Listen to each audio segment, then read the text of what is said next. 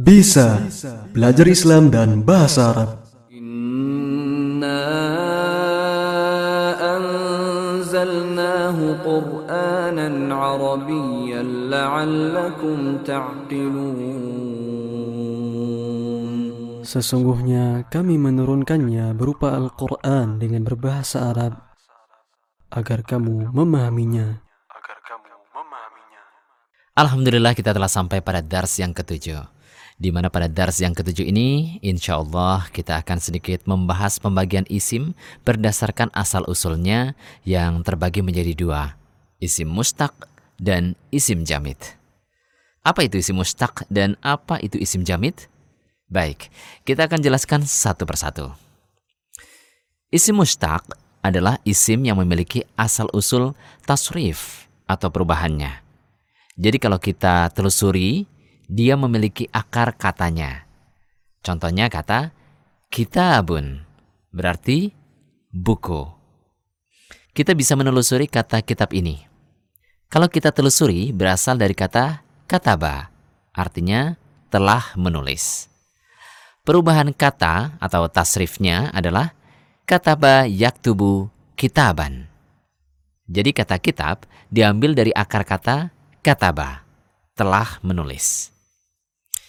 Kemudian yang kedua, masjid. Kita sering mendengar kata masjid. Kalau kita telusuri, maka akan ketemu bahwa masjid kata dasarnya adalah sajada, yang artinya telah bersujud. Sedangkan masjid artinya tempat bersujud. Ini contoh isim mustaq yang kedua. Kemudian madrasatun yang artinya sekolah. Kalau kita telusuri, maka kita akan mendapati akarnya diambil dari kata darosa yang artinya belajar. Sehingga madrasatun artinya tempat belajar. Ini disebut dengan isim mustaq, yakni isim yang memiliki asal usul. Sekarang kita bahas isim jamid. Isim jamid dari maknanya adalah artinya kaku. Artinya isim ini tidak memiliki asal usul. Contohnya babun yang artinya pintu. Kata pintu tidak bisa kita telusuri asal usulnya dari kata apa. Kemudian kolamun, kolamun atau pena. Kita juga tidak bisa menelusuri dari mana kata ini didapatkan. Kemudian kitpun atau kucing, asadun singa, omarun bulan, dan kata lain yang tidak bisa ditelusuri kata dasarnya. Bahasa sederhananya, kalau isim jamid ini dari sananya begitu.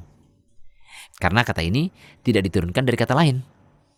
Lalu, apa manfaat kita mengetahui suatu isim, termasuk isim jamid atau isim mustaq?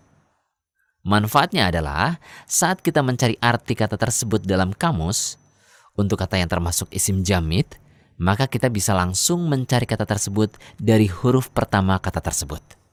Misalnya kata babun. Maka bisa dicari di kamus bahasa Arab pada huruf ba. Sedangkan untuk isim mustaq, kita perlu menelusuri kata dasarnya sebelum mencari di kamus. Misalnya kata masjidun. Maka apabila kita cari di kamus, kita tidak akan menemukan kata tersebut di huruf mim, melainkan di huruf sin. Karena kata dasarnya adalah sajada. Demikian, semoga bermanfaat. Wassalamualaikum warahmatullahi wabarakatuh.